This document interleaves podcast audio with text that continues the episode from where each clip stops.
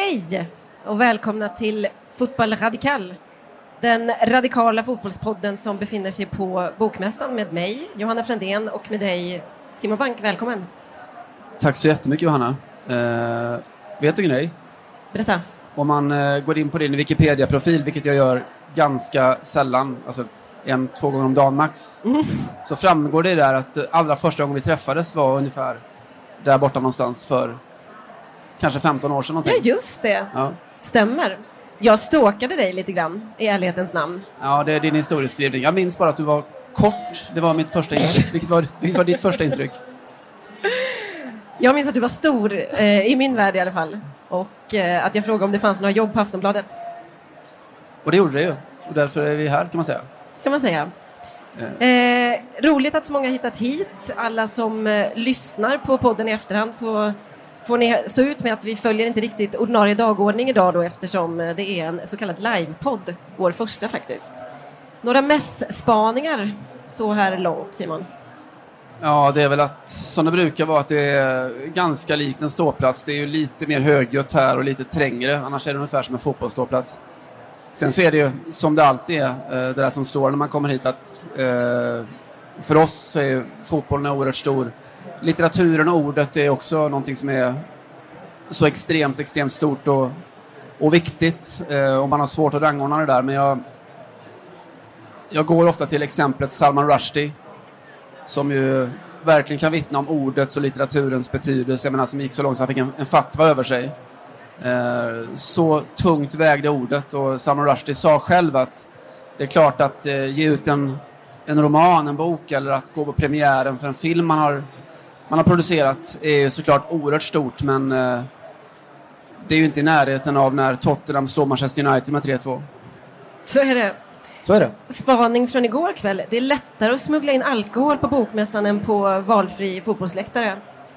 Det är så. Ja, Jag, det var, och, varför har du inte sagt något? Du är förvarnad inför ikväll. Eh, jag deltog nämligen i ett av alla dessa svartmingel som ju faktiskt finns på Bokmässan också. Eh, sjövilt är det inte, men eh, ändå en viss, eh, ett visst släktskap. Vi sliter ju lite grann ibland i den här podden med att eh, slå ihop våra tre, kan man väl säga, grundpelare, fotbollen, litteraturen och politiken. Eh, jag tänkte börja lite grann i politiken, för att eh, vi brukar ju ha ett Vad har hänt sen sist segment. Eh, och eftersom jag står för de franska inslagen i podden, ja, du gör det ibland eh, också, så eh, konstaterar vi att eh, före detta presidenten Jacques Chirac har dött. Före detta president blir man faktiskt inte rent formellt i Frankrike. Eh, en gång president, alltid president. Man uppbär, tror jag, en presidentlön hela livet och man, man omtalas alltid som president. Så det var Som i USA, som va? Säkert. Samma sak. Ja, precis. Det här är ju... Och i boxning. Just så. Eh, och i Neapel kanske. Eh, det är väl också så att eh, vi pratar ofta, eller fransmännen är väldigt nöjda med att de inte har något kungahus, men eh, man, kan, man kan tvista lite om det tycker jag när man ser hur Jacques Chirac har eh, så att säga hyllats och eh, sörjs de här dagarna. Det kommer ju vara en nationell sorgedag bland annat för eh, honom. Chirac, tänker ni, vad har det med radikalitet att göra och fotboll? Inte så jättemycket såklart. Det här var ju en, en gammal högergubbe, svårt att säga något annat. Men vanan trogen franska politiker så var han kommunist under en eh, kort period. Han är född i det femte arrondissemanget i Paris, ett av de absolut finaste kvarteren och stod då som 18-åring och sålde den jättevänstertidningen L'Humanité utanför Saint-Sulpice-kyrkan som övertygad eh, kommunist i några år innan han kom på så att säga bättre tankar. Eh, mitt, eller Chirac förlåt, hade lite svårt med fotbollen. Han eh, var ingen fotbollskille alls. Han var ju väldigt mycket en produkt, kan man väl säga, av den här extremt eh, elitistiska egentligen eh, franska ja, utbildningsväsendet och så vidare. Men han insåg väl efter ett tag att det var omöjligt att inte förhålla sig till sporten som ändå är den största i Frankrike. Sägs för övrigt att han var mest intresserad av sumobrottning. Som oss alla. Som vi alla egentligen, precis, men det görs inga poddar om det riktigt än. Eh, när en sån som Nicolas Sarkozy som blev eh, president eh, senare och eh, Emmanuel Macron som är nuvarande president då, är väldigt kända för sina fotbollssympatier. Nicolas Sarkozy är ju hederspresident i Paris Saint-Germain bland annat. Emmanuel Macron håller på Marseille och är, har väl detta som någon, någonstans som sin identitet. Chirac hade lite problem här. Är det inte här. fint Macron för övrigt? Alltså man kan tycka att opinionssiffrorna och, och allt det där borde vara hans största problem. Då är det skönt för honom att ha just Marseille-supporterskapet att falla tillbaka på. Att ingenting han någonsin gör i sitt liv kommer vara jobbigare än det. Det är lite fint. Nej, precis. Han, han, och det är också kanske en liten påminnelse om att man är dödlig hela tiden. Det, det kan man behöva när man blir president före 40 års ålder och så vidare. Eh, intressant förresten, François Mitterrand som var eh, president före, ja, på 90-talet, eh, fram till 95 någonting, var ju socialist då, men tillhörde ockupationsmakten-sidan i början av första, eller andra världskriget. Eh, det, det är som att alla nästan har tillhört det ena eller andra lägret. Det enda man kan vara helt säker på är att de aldrig är liberala förrän eh, Macron. Men han håller å andra sidan på Marseille. Så vi kan ha lite förståelse för honom eh, i alla fall. Chirac så. Han var president då under eh, stora delar av 90-talet, slutet av 90-talet, när Frankrike bärgade sitt eh, VM-guld, det första 1998 på hemmaplan. Och eh, det var problematiskt att inte kunna någonting om fotboll såklart när hela landet gick in i den här yran. Eh, däremot så hade han väl ganska bra PR-folk runt honom som förklarade att eh, kapitalisera nu lite på detta. Håll dig i närheten av det här laget. Så han var väldigt, dök upp i många sammanhang kring eh, Les Bleus då och eh, var på matcherna och pratade mycket om, eh, om eh, landslaget. Och eh, framförallt så under själva VM som ju gick i Frankrike så var han på plats på alla matcher. Han visste inte så mycket om eh, det här laget. Han kunde väl två namn ungefär och det finns ett väldigt, väldigt roligt klipp när han inför finalen då mot Brasilien, Frankrike och Brasilien på Stade de France när spiken eh, ropar upp namnen och så ska publiken då, ja ni vet man får förnamnet och Fabien och så skriker publiken Barthez! Och han sätter ju två, men de andra för, försöker han lite grann men det blir väldigt, väldigt fel och det är väldigt så närfilmat så man ser exakt hur han går bort sig. Han försöker väl väldigt, eh, alltså inte lite grann, han försöker oerhört stort, eller han inser att han inte kan. Eh, alltså det här kan vara det sämsta poddsegmentet någonsin. Vi gör, vi gör ljudmediet podcast inför en livepublik och pratar om klipp som finns på TV. Snart finns det på eh, Twitterkontot eh, Podcast Radikal. Eh, men jag vet att han, han visar ju, alltså han, han inser att han kan inte mima namnen för han vet inte vad de heter helt enkelt, men han, han gör ändå någon sorts försök. Mm. Att han, han gapar liksom rakt ut sådär. Att han får det där eh, Didier ropar spiken. Baba! ropar Chirac och han gör det på elva stycken namn. Eh, oerhört underhållande. Ja, han är väldigt nöjd när han sätter Zidane. Då är, skiner han upp liksom. Lite, lite sådär som eh, när man har den här perfekta graden av berusning och dansar och sjunger med och känner att jävlar vad kan de här låtarna. Man kan inte det riktigt men det spelar inte så stor roll. Där är Chirac då, helt nykter och inför hela världens ögon.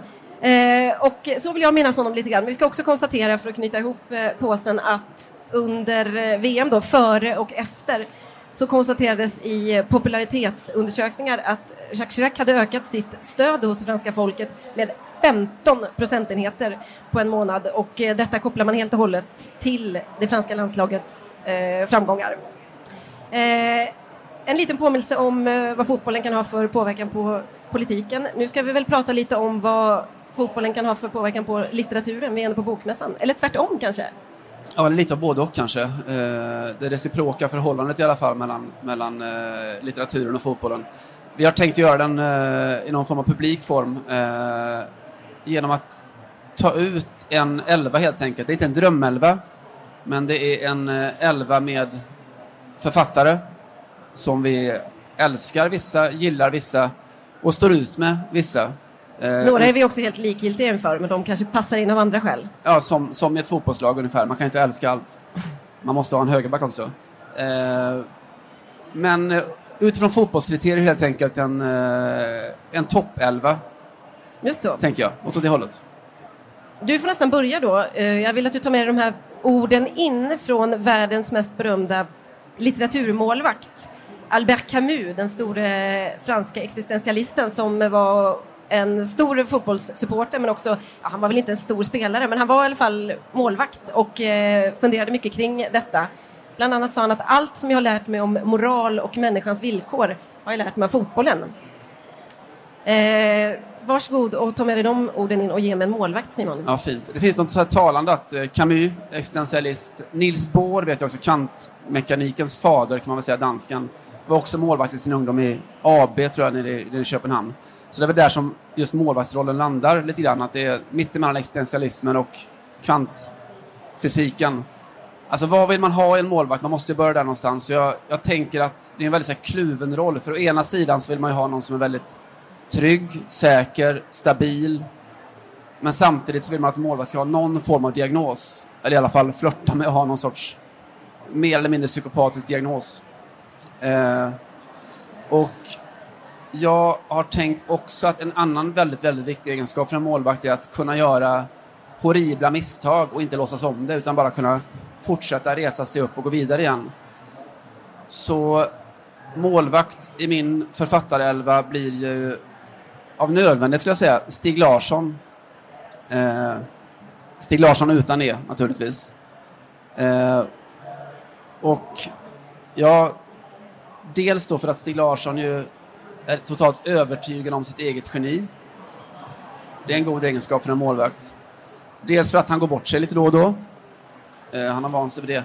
Och att han har i sin själva litterära, eh, i alla fall de senaste årens litterära gärning så sysslade ju Stig väldigt mycket med att skriva det som han själv kallade för dålig litteratur. Han var fascinerad av det dåliga. Jag älskade Stig Larssons romaner väldigt, väldigt mycket. Eh, han har betytt jättemycket för mig. Jag tänker att om Stig Larsson släpper in ett skott, löst skott från 40 meter så kan han falla tillbaka på att han är ett geni och hänvisa till att, äh, vadå då, jag försökte bara spela så dåligt som möjligt. Snyggt! Tack! eh, vi går på ytterbackarna då. Och eh, jag ger mig på högerbacken. Vi sa att vi skulle definiera lite vad man är ute efter i en, på respektive position. Eh, här är det ju mest kanske någon som är både löpstark och försvarsstark. Jag vet att jag, jag, någon skrev, eller jag, jag då, skrev för något år sedan om någon ytterback att han var så snabb så att när han var på väg framåt så mötte han sig själv på väg tillbaka. Det är lite det man är ute efter, någon som konstant pendlar sådär. Oj, det var en perfekt bild för tror jag, min eh, högerback. Eh, jag känner att Ebba Witt-Brattström är ganska given på den här eh, positionen. Giftiga attacker och ganska många sådana. Lite svårt att hålla tätt tillbaka, eller hinna tillbaka ibland kan jag känna och försvara sig. Och, att, och också det här att dribbla ibland, det är lite fel lägen. Man, man saknar understöd, men man dribblar i alla fall, förstår vad jag menar? Och eh, kommunicerar kanske också lite för dåligt med resten av eh, försvaret. Men ändå en modern ytterback på så sätt att eh, de attackerna framåt ruscherna som vi egentligen uppskattar kanske mer och mer inom fotbollen som blir viktigare och viktigare. Ja, det finns ju. Sen så har han ju de senaste åren varit väldigt duktig på att överlappa också sin, sin partner. Eh, vilket ju också är en stor kvalitet hos en, hos en ytterback. Så att eh, jag tycker att det är ett gott val. Fint också för, för könsbalansen. Nu har vi en man och en kvinna, det känns bra. Så ja. Ger du mig en eh, vänsterback då? Ja, det kan jag väl göra, för jag tänker lite i linje med det som du pratade om, att en annan viktig aspekt för en ytterback är att, att orka, att ha en oerhörd stamina och uthållighet. Och, eh, jag tänker att man vill ha någon som, alltså om man ska dra den litterära analogin fullt ut, så vill man ha någon som kan skriva en, en diktsamling på 800 sidor utan att någonsin sätta punkt. Eh, och den som gör det i den svenska poesin har ju alltid varit Göran Sonnevi. Eh, som jag tycker så oerhört mycket om. Han har en extrem uthållighet. Eh, han liksom bara pågår. Det är som någon slags fuga i språket som bara finns där som ett grundkredo. Vänsterkanten är det inte så mycket att snacka om. Det är där vi hittar honom. Och sen så finns det också lite sådär anekdotiskt så finns det något fint i Göran Sonnevi. Om ni har hört dem läsa sin egen poesi någon gång så Göran har ju en, en, eh, alltid haft en svår stamning. Eh, men när han läser så, så sjunger han sedan sin poesi utan att någonsin stoppa. Det är oerhört effektfullt. Och jag tänker, det slog mig när jag satte mig ner med det här att just stammande fotbollsspelare är ganska un, un, ont om. O, ont om, förlåt. Det var, inte, det var, det var ingen avsiktlig eh, komik kring det. Det är vanligare med backhoppare, tänker du? Det kan vara så. Mm. De är genier också. Nej, men jag, Ken Sema såklart i det svenska landslaget, en underbar karaktär. Eh, lite mer otippat än eh, Real Madrid-spelare. En av, får man väl säga, kanske i alla fall VM, de senaste VMs största stjärnor. James Rodriguez i Real Madrid Mm. eh, hade oerhört svår stamning som ung. Så där. Eh, men lyckades besegra den. Eh, jag ser inte Göran Sonnevi som James Rodriguez, men jag ser honom som en alldeles perfekt uthållig vänsterback. Jag vet inte om du köper argumentationen? Jag köper det absolut. Jag gillar också att du lägger ribban lite, lite högre. Eh, jag har tagit ut en kanske pyttelite folkligare halvelva än vad du har gjort i alla fall. Får se om du köper det här. då. Vi är inne på mittbackarna. Eh, vad vill man ha av en mittback? Ja, man vill ju ha någon som är stabil såklart, som man inte kan flytta på i första taget. Någon som kanske inte stilar för mycket. Och, eh, men någon som har någon form av konkret i alla fall verklighetsuppfattning. Eh, och jag tänkte och tänkte, jag kan inte hitta någon som passar in bättre på allt det här än Leif GW Persson. Jag tycker han är kanske den mesta mittback man kan tänka sig. Eh, omöjlig att flytta på såklart. Också det här tror jag att grunda sin spelförståelse väldigt mycket på statistik. Alltså det är väldigt mycket det man får göra som mittback. Du måste ju tänka du kan inte börja fantisera om vad ska hända nu utan du måste tänka att i nio fall av tio så kommer anfallaren alltså gå runt på den kanten. Och en gång på tio så händer det kanske något oväntat och det, det här brottet hade liksom inte alls följt gängse norm, man förstår ingenting. Men då kan man ändå alltid falla tillbaka på att det var inte, jag gjorde vad jag borde i det här fallet. Jag utgick från liksom den, det normala förfarandet, nämligen att eh, jag befann mig på rätt plats. I did it my way, lite så. Ja, men lite så. Eh, att grunda sitt spel på en analys och eh, statistik och, som, och att inte så att säga sikta för högt litterärt heller kanske. Vem ska han spela Mm. ihop med Simon? Nej, alltså jag vill bara få till att det är intressant just det. Jag har aldrig, aldrig riktigt tänkt på det, men det finns ju bara en viss sorts karaktärer i det offentliga livet som, som kan med den sortens emfas använda statistiken. Eh, jag vet, jag arbetar i, ibland i, i, i tv tillsammans med Hasse Backe som har li, lite samma framtoning kan man säga. Han kan, Och väldigt mycket samma framtoning. eller hur? När man tänker på det, ju mer man tänker på det. Eh, som kan stå där och med emfas säga att ja, man brukar säga att en lyckad försäsong står för ungefär 28-32 procent av hur säsongen sen blir. Och man sitter och nickar och köper det där fullt ut. Sen så två dagar senare i någon sorts esprit d'escalier eh, tanke så tänker man att 28 till 32 procent, brukar man säga det? Vem säger det? Och i så fall var och när? Eh, där har vi GW lite grann också kanske. Anna. Ja, verkligen. Verkligen. Ja, men det är något, man, alltså, man måste ju ha den typen av pondus tror jag på minst en mittback. Men nu är jag sugen på vem, vem han ska bilda mittbackslås med då. Ja, alltså jag inledde ju tanken att jag har egentligen bara ett grundläggande krav på en, en bra mittback och det är bra hår. Eh, någon slags latinsk tanke tror jag. Eh, och var inne på att man, Jonas Hassan Khemiri för guds skull har en tydlig mittbacksaura. Lite skört men oerhört bra hår. Fantastiskt bra hår. Eh, det hade kunnat funka.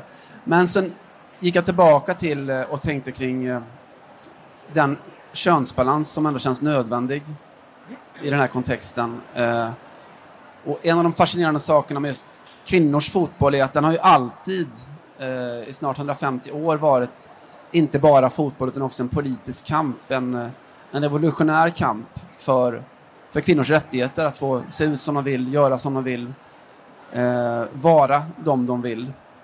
Eh, och ska man göra den kopplingen till vårt författarlandslag här så tänker jag på en eh, mysig berättare.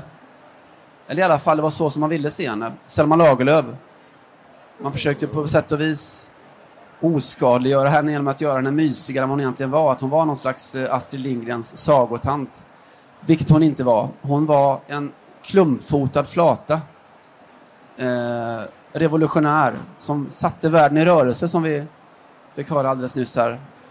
Eh, och vad är det man vill ha som mittback? Jo, man vill ha en, någon som sätter världen i rörelse. Eh, Selma Lagerlöf bredvid GV. Möjligen kan vi få problem med farten i försvaret, men det, jag kan leva med det. Storartat. Steget upp på ett mittfält, är det där vi är? Ja, vi har kanske inte riktigt eh, kommunicerat det, men vi satsar ju givetvis på ett, en, någon form av 4-4-2-uppställning. Well, Säger kanske. Vi Säg är i. Göteborg. Vi är faktiskt i Göteborg. Ehm, hade du en högerytter mittfältare? Ska vi börja där? Ja, låt oss. Eh, ja, jag vet inte, jag, jag hårdrar det ju lite, men om man tänker sig det som en högeregenskap, jag är inne på ideologi här nu, att alltid ta strid för individen, eh, individens rättighet att uttrycka sig själv fritt, så ger jag dig ett, ett diktsegment här och, och, eh, som kan vara en passning åt dig. Måndag, jag. Tisdag, jag. Onsdag, jag. Torsdag, jag. Det är alltså Witold Gombrowicz, eh, polacken, som jag väljer som min högerytter. Eh, hans eviga kamp för individen. Plus också att han, han gick ju i landsflykt till Argentina och jag har svårt att se mig, alltså se någonting bättre eh, som någon sorts fotbolls-DNA att komma från Polen, fly till Argentina. Det gjorde också Paolo Dybalas föräldrar. Just det. Eller morföräldrar i alla fall, någon generation. Ja, och det gick ju ganska mm. bra det också. Tror du, var det en sån tribute tour till Gombrowicz, tror du? Dybalas eh, familj alltså? Alltså jag utgår från allt annat. Alltså jag tänker inte forska i det. Ja, och så desto, man brukar ju säga faktiskt att runt 28-32 procent av alla polacker som utvandrar till Argentina gör det med Gombrowicz som, som förebild. Och en 3-4 procent tar en plats i argentinska landslaget, eller ja, i vår elva. Det, det är goda siffror. Mm. För mig så är Gombrowicz en sån där som man går till om man vill förstå vad, vad människan är. Han är så oerhört intressant oavbrutet och han är så oerhört kärleksfull. Han hatar sitt gamla Polen. Jag tror att han kan bli en, en fin eh, högrytter för oss. Jag tror däremot inte vi kommer få honom att sjunga med i nationalsången. Det kan bli svårare. Det är min högerkant. Mm. Då får du jobba vänster. Jag jobbar vänster då. Eh, vi hade, jag vet inte om vi satte vår kravbild riktigt på en yttermittfältare, men jag gör ett försök då. Det är någon form av tröttligt löpsteg såklart man eh, förväntar sig. Alltså någon som orkar springa, springa och någon som har bra precision. Eh, och jag kan inte komma på någon som passar bättre för uppdraget än Lena Andersson faktiskt. Eh, dels för att hon är ju gammal längdskidåkerska så det, man kan säga att konditionen finns där. Löpvilligheten, men också kanske att förmågan att prestera väldigt bra inlägg eh, i den svenska debatten. Jag tror att det kanske är också precisionen faktiskt i, i Lena Anderssons um, ja, men teoretiserande som, som vi behöver lite grann här i kombination då återigen med att hon orkar ta en ny löpning om vem vi nu har på topp som inte riktigt får, sätter pannan till för att man inte hänger med riktigt i hennes eh, genialitet. Eh, vänstermittfältare kan man väl diskutera. Eh, Lena Andersson tycker ju ändå att skatt är stöld, men hon av nöd, vi kunde inte ha två på högerkanten, så av nödvändighet så placerar jag henne där eh, trots allt. Ja, jag köper det. Det känns som att hon kan också göra vettiga analyser av ett omklädningsrum. Sådär, det kan man mig, tänka sig. Ge mig vattenflaskan för att du ser att jag är törstig eller vill ha någonting tillbaka. Lite så. Där har vi henne. Där har vi henne. Mm. Lena Andersson till vänster. Ready to pop the question? The jewelers at BlueNile.com have got sparkle down to a science with beautiful lab-grown diamonds worthy of your most brilliant moments. Their lab grown diamonds are independently graded and guaranteed identical to natural diamonds, and they're ready to ship to your door. Go to Bluenile.com and use promo code LISTEN to get $50 off your purchase of $500 or more. That's code LISTEN at Bluenile.com for $50 off. Bluenile.com code LISTEN. Ja. Vi kör en liten diamant, va? Ja, det tycker jag. Har du en defensiv eh, mittfält att bjuda på? Ja, just rollen, alltså det vet man om man själv har spelat eh, i en backlinje så vet man ju att just den här defensiva mittfältsrollen ställer stora krav. Inte så mycket för Alltså det uppenbara är att de ska kunna försvara bra, men just när man bygger spel framåt så är det den första, ens go-to-guy, kan man väl säga, där man spelar upp via. Och då ställs det väldigt tydliga krav på att den som står där, kanske ofta med fem stycken motståndare i ryggen, måste ha ett extremt självförtroende. Den måste ha den där auran av att ge mig bollen, jag löser det här. Jag fixar det. Alltså lite Xavi möter. Ge mig bollen. Det är det enda ni behöver tänka på. Ge mig bollen så fixar jag det.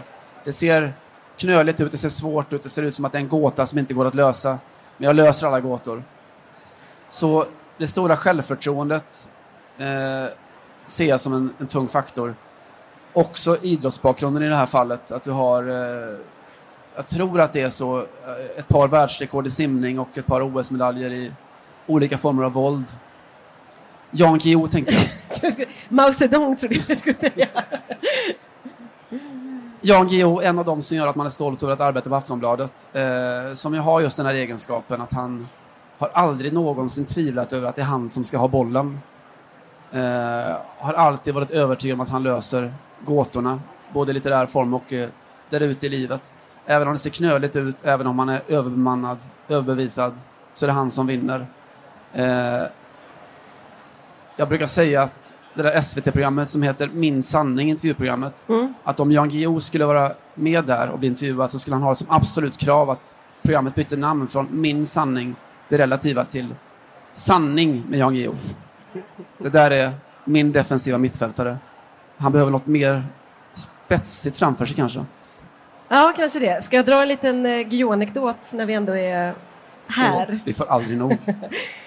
På, vi har ju någonting, som kolumnist på Aftonbladet så blir man ju bjuden på en eh, så kallad kolumnistmiddag en gång om året. Jag brukar inte alls gå varje år, men första gången jag gjorde det så hade vår eh, kära kollega Fredrik Lindén placerat, bordsplacerat mig bredvid eh, Jan Guillou. Jag fick genast hög puls över detta såklart, för jag kände det här blir Det inte fick bara... inte Jan.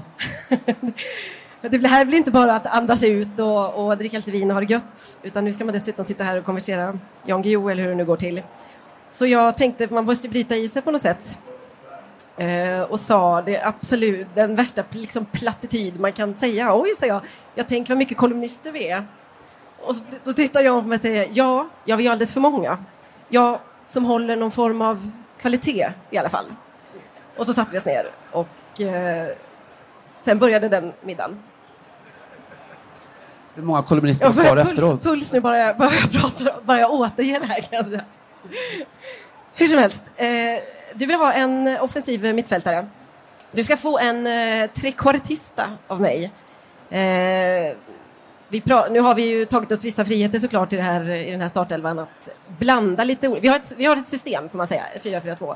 Men en trekvartista, alltså en offensiv mittfältare, har, finns ju eh, som kanske den mest mytiska skulle jag säga eh, positionen egentligen i, i den moderna fotbollen i alla fall. Många har spelat på den här positionen, kanske inte hela sin karriär, men börjat, slutat där. Leo Messi, får man, får man säga, Marta, Maradona såklart, Francesco Totti i eh, stora delar av sin karriär. Javier Pastore. Javier Pastor, precis. Eh, vad gör man då som trekvartista? Ja, man eh, återuppfinner ju fotbollen. Man utvecklar den i alla fall och man upphäver väl reglerna lite grann om man är en, eh, en riktig eh, världsspelare på den här positionen. Eh, någonstans känner jag att det handlar lite om att göra den här positionen till sin egen då, att hitta helt nya öppningar. Och här saknas det ju inte direkt så att säga kandidater i litteraturhistorien. Det är väl eh, nästan alla som kan betraktas som klassiker går ju att placera in här. Eh, jag tänker ändå ge mig på en i hård konkurrens, en lite, ett modernare fenomen som vi ändå får säga har uppdaterat i alla fall skandinavisk romankonst och autofiktion. Eh, Karl Ove Knausgård som trekvartista. Ser du precis som jag att han skulle passa väldigt bra i en ganska så här, retrotajt fotbollströja? Ja, alltså jag vill inte ens tänka på det. Du sa att du fick puls av Jan Guillou-minnet. Mycket knauspuls. Jag känner också, slår han inte eventuellt jävligt bra frisparkar precis under ribban? Du behöver inte svara på det, jag bara, det är en bild jag har eh, framför mig. Jo, Ja, jag tror, jag tror att han gör det. Jag tror att han gör det. Och gärna kanske med någon sorts äldre form av boll också. en där läderkula helt En enkelt. läderkula, en lite tyngre varianten. Ja, Mm. precis. Eh, då får vi väl gå på nummer 10 före nummer 9, för vi ska väl ändå följa någon form av dramaturgi här. Ja, vi är inne på forwardsbiten och... Alltså nummer 10, vi, vi har ju... Det blir fler artister. Vi har en trekvartista och en nummer 10. Det kommer bli trångt där, men så ska det vara i ett... I en litterär elva känns det som. Eh, nummer 10-rollen, ja det är... Du har i princip sammanfattat den när du pratar om trekvartisten. Den, den briljante dyrköppnaren. Eh, den som kan ge upphov, upphov till en hel religion i princip. Som en Maradona eller som en en Javier Pastore. Pastorismen pratar man om va? Teoribygget kring... Jag pratar eh, gärna ofta om den. den, Ja. den man inte kan lita på. Eh, en playmaker men också en, en målskytt. Det är det man vill ha. Och i min värld, alltså alla de där som du pratar om, så det är också centralt att de inte bara ska vara fantastiska utan de ska också ha som en gammal klassisk grekisk gud eller så. De måste också ha en definierad svaghet. Eller som en eh, superhjälte i, i vanliga tecknade serier och så. Du kan inte bara vara bäst, du måste ha på något sätt en, en stor brist att besegra. Leo Messis mutism eller eh, Francesco Tottis romanism. Eller Maradonas kokainmissbruk Eller? Macaro, Maradonas eh, narkotism, eller vad det heter. Hans missbruk. Eh, så det krävs en svaghet. Eh, och jag tänker faktiskt peta in Sara Stridsberg där någonstans. Oho. Som, som min nummer 10. Hon har, apropå genialitet, så vet att hon själv har använt ett, ett Sartre-citat för att som någon slags eh, definition av nummer 10-rollen. Det är inte, inte så explicit i min tolkning av, av hennes Det användande hade förvånat mig väldigt mycket om hon hade, om det Men du hade hade gillat varit... det? Ja, eh, ja. Du hade gillat det. Eh, Sartre skrev Genialitet är inte en gåva utan ett sätt för människor att under desperata förhållanden tolka livet. Där har vi nummer 10-rollen, eller hur? verkligen. Jag älskar Sara Stridsberg, hennes pjäser, hennes böcker framför allt. Eh, jag tycker om cigarettglöden som finns som bild på var tredje sida i princip. Eh, och när jag för mig själv försöker liksom definiera hennes författarskap så finns det en mening som återkommer till och det är att hon hela tiden är på väg att spåra ut i skönhet. Men hon klarar sig alltid undan det till slut. Risken för att spåra ur i skönhet är Sara Stridsbergs brist, men hon löser alltid. Hon gör målen, hon är ett geni eh, och hon är nummer 10 för mig. Underbart. Får mig att tänka på en gång när du berättade att du hade lagt ifrån dig en av hennes böcker i flera dygn för att du var så rädd för att det skulle gå överstyr i någon form av, eh, det var någon sån drömsekvens eller någonting. Du var, lite, du var på gränsen till att bli besviken över att det höll på att bli för Ja, den var på väg in i... blommigt. För blommigt, precis. Mm. I någon slags flickrumsaffisch av med rosa himlar och enhörningar. Ja, just det. Eh, men det gjorde aldrig det. Hon Nej. ho- hovade in sig igen. Och blev bäst igen. Ska vi vara lite mer um, opportunistiska på nummer nio? Jag har egentligen två alternativ här. Eh, du kan nästan få välja Simon. En nia, vad ska en nia göra? Alltså en eh, striker. Det är ju mest då... Jag tänker som Sven-Göran Eriksson sa i, i tv när han fick frågan, han satt som expertkommentator, fick frågan om Jean-Pierre Papin, gamle franske skyttekungen. Men vad är det som gör Jean-Pierre Papin så, så oerhört bra? Och Sven-Göran funderade en sån här mik- mikrosekund, så sa han, ja, han gör ju mål. Ja, det är alla krav man ställer på en fotbollsspelare. ja, men det är verkligen det. Eh, det här är inte de här stora grubblarna. Det är inte eh, de stora genierna kanske heller. Det kanske inte är de... Ehm,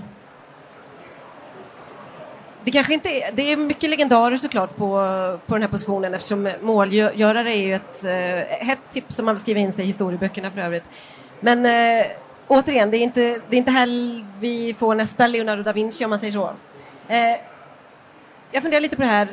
Det man måste kunna göra som nia, förutom att sätta dit foten då och göra mål, är ju någonstans att nöta på motståndaren hela tiden. Nöta och nöta, provocera, nöta, nöta, vänta liksom på rätt läge. Och här dök Horace Engdahl upp som en kandidat då.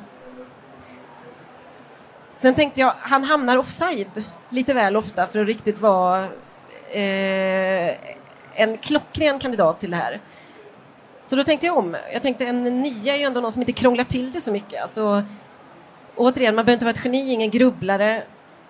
Men däremot så måste man ju utanför planen ha någon form av smak för det extravaganta. Alltså, leva liksom ett liv som är lite larger than life på något sätt. Som inte nödvändigtvis kanske motsvarar prestationen alltid. Eh, Camilla Läckberg. Kan hon få ta en plats i eh, vår elva? Jag ska välja mellan Horace eller Camilla Läckberg, det är det du säger. Det gör jag varje kväll när jag står framför bokhyllan och försöker bestämma inriktning på mitt Och liv. varje morgon när du står framför spegeln. Vem är jag idag? Precis. Och då blir det alltid Horace, men det är ju sånt som händer. Jag tänker ju lite att ett omklädningsrum med Horace Engdahl, Ebba Witt-Brattström och Stig Larsson ställer vissa krav på oss som ledare och tränare för heter det? laget. Kris, var det deras eh, Just det. tidning just det. på? Ja. Det blir redaktionsmöte, det kanske vi inte vill ha riktigt. Jag tror att den kan, den kan bli svår, den är rolig. Om man ska återvända till Sara Stridsberg så tror jag att vi får Valdris Solanas som president i den klubben i så fall. Underbart. Jag tycker om tanken. Eh, Camilla Läckberg, mot henne måste man ju hålla att hon har ju redan ställt upp i VM för Sverige. Eh, under damfotbolls-VM 2015 som avgjordes i Kanada så var det ett eh, kanadensiskt universitet, litteraturinstitution på universitetet, som lät varje land i VM representeras av en författare, en, eh, en färsk roman.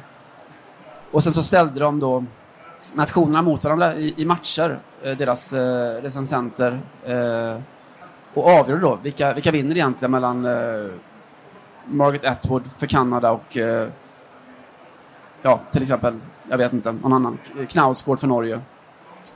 Och Camilla Läckberg, eh, jag tror att det kan ha varit Olycksfågeln eh, som då var Sveriges representant i VM 2015. Och jag minns att eh, den som recenserade boken, ja, Sverige åkte ut förstås i första matchen, eh, skrev att alltid innan jag börjar läsa eller konsumera ett konstverk så brukar jag tänka på, eller ställa mig själv frågan, varför har just den här konstnären, författaren, eh, keramikern eller vad ni vill använt just det här mediet för att framställa sin idé? Och det har aldrig varit så tydligt som när jag läser Camilla Läckberg. Varför använder hon språk? Och så åkte Sverige ut. Eh, jag tyckte det var alldeles för elakt. Jag tycker att Camilla Läckberg har kvaliteter på annat håll också. Hon är opportunist som du sa. Eh, extremt framgångsrik. Man förstår inte alltid riktigt hur, men hon kommer alltid fram i mål. Plus den icke förringbara egenskapen att hon har ett bra WAG-liv. Alltså hon har en bra partner som, eh, som kan funka för skvaller och tabloid. En pinuppa mer eller mindre. Den vidriga skvaller-tabloidpressen. Mm. Så att vi kan fortsätta med vårt värv. Just det. Så jag, jag köper Camilla Läckberg som vår, vår nummer nio utan att blinka. Ja. Hon verkar härlig. Underbart. Då sitter elvan helt enkelt. Vilka, vilka skulle de kunna möta tror du? Jag tänker att vi nästa år sätter två stycken hockeyskribenter här och låter dem ta ut en liknande så får vi se var vi landar någonstans. Åh, mycket bra idé. Mycket bra idé. Simon, det börjar dra ihop sig. Vi brukar eh, dra över tiden ganska rejält när vi sitter och inte har någon som väntar, men eh, det har vi nu. Eh, ge oss någon slutfundering ändå på mässan. Ja, vi brukar avsluta vår podcast med eh, att vi väljer ut någon profil, att vi eh, ger något litet kulturtips och att vi avslutningsvis bjuder på lite sång och dans eh, i poddformat, eller spelar någon musik i alla fall. Eh, det blir svårt här, så vi gör inte det riktigt, men vi, jag tänker bara avsluta med något fotboll radikaldoftande, en berättelse från, från världen där ute, som jag tycker är fin, från den senaste veckan. I Italien så har de ju problem med, inte bara inom fotbollen, men väldigt mycket inom fotbollen med, med rasism på läktarna. Eh, ett problem som inte alltid, eller väldigt sällan, tagits på allvar, men därför blir man så glad varje gång som det faktiskt händer. Och aktuellt nu det sista så har det varit på, eller i Cagliari på, på Sardinien, Sardiniens stora klubb. Eh, inte var där och spelade veckan med Romelu Lukaku, eh, belgisk anfallare, som då fick höra apljud konstant under hela matchen från, från Cagliaris supportrar. Inget nytt under solen, det har han varit med om på många arenor förut, men eh, det har ändå börjat ta skruv de här sakerna i Italien och eh, nu när Cagliari spelade sin följande hemmamatch, de mötte, jag minns faktiskt inte vilka de mötte, men de spelade nu i, i fredags hemma igen. Så alla som kom till matchen eh, möttes av, på deras platser, på deras stolar, så låg det två stycken flygblad. Eh, på det ena så hade presidenten, Tommaso Giolini, skrivit att den som inte ställer upp på den här klubbens värderingar och värden är inte välkommen här. Eh, och på det andra flygbladet så fanns det en dikt som då skulle definiera vad, vad Cagliaris värden och värderingar egentligen är för någonting. Eh, det var en dikt av Grazia Deladda, eh, en historiens första kvinnliga nobelpristagare i litteratur eh, och något av en nationalpoet, nationalskribent på, på Sardinien. och det var ju då klubbens och presidentens sätt att säga att läs det här så förstår ni vad, vad Cagliari är för någonting innan ni funderar på att, att bli rasister helt enkelt. Så vi kan väl avsluta den här eh, historiska första live-publikspodcasten Fotboll Radikal med att och läsa helt enkelt Grazia Deledda. Går det bra? Låter jättebra. Ska vi, börja, ska vi tacka alla som har kommit hit då innan vi Ja, det tycker jag verkligen. gör det? Och eh, kanske på återse om, om ett år, Ja, mycket roligt om vi får. om vi får. Mycket festligt. Mm. Om vi inte har då så- för mycket ovänner med övriga litteratursverige. Det skulle vara det då. Det kan vara det. Mm. Reservation för att jag har...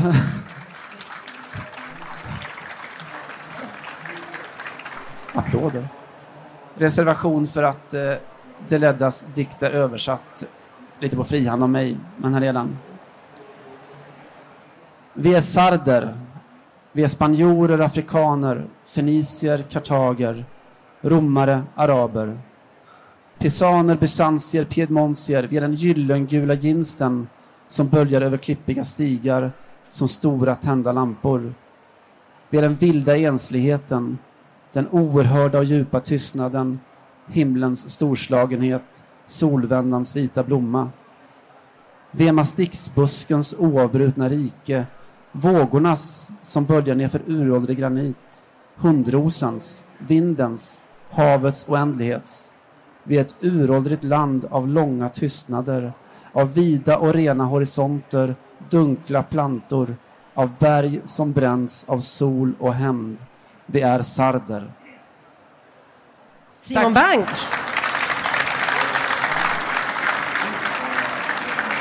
Tack snälla för att ni kom.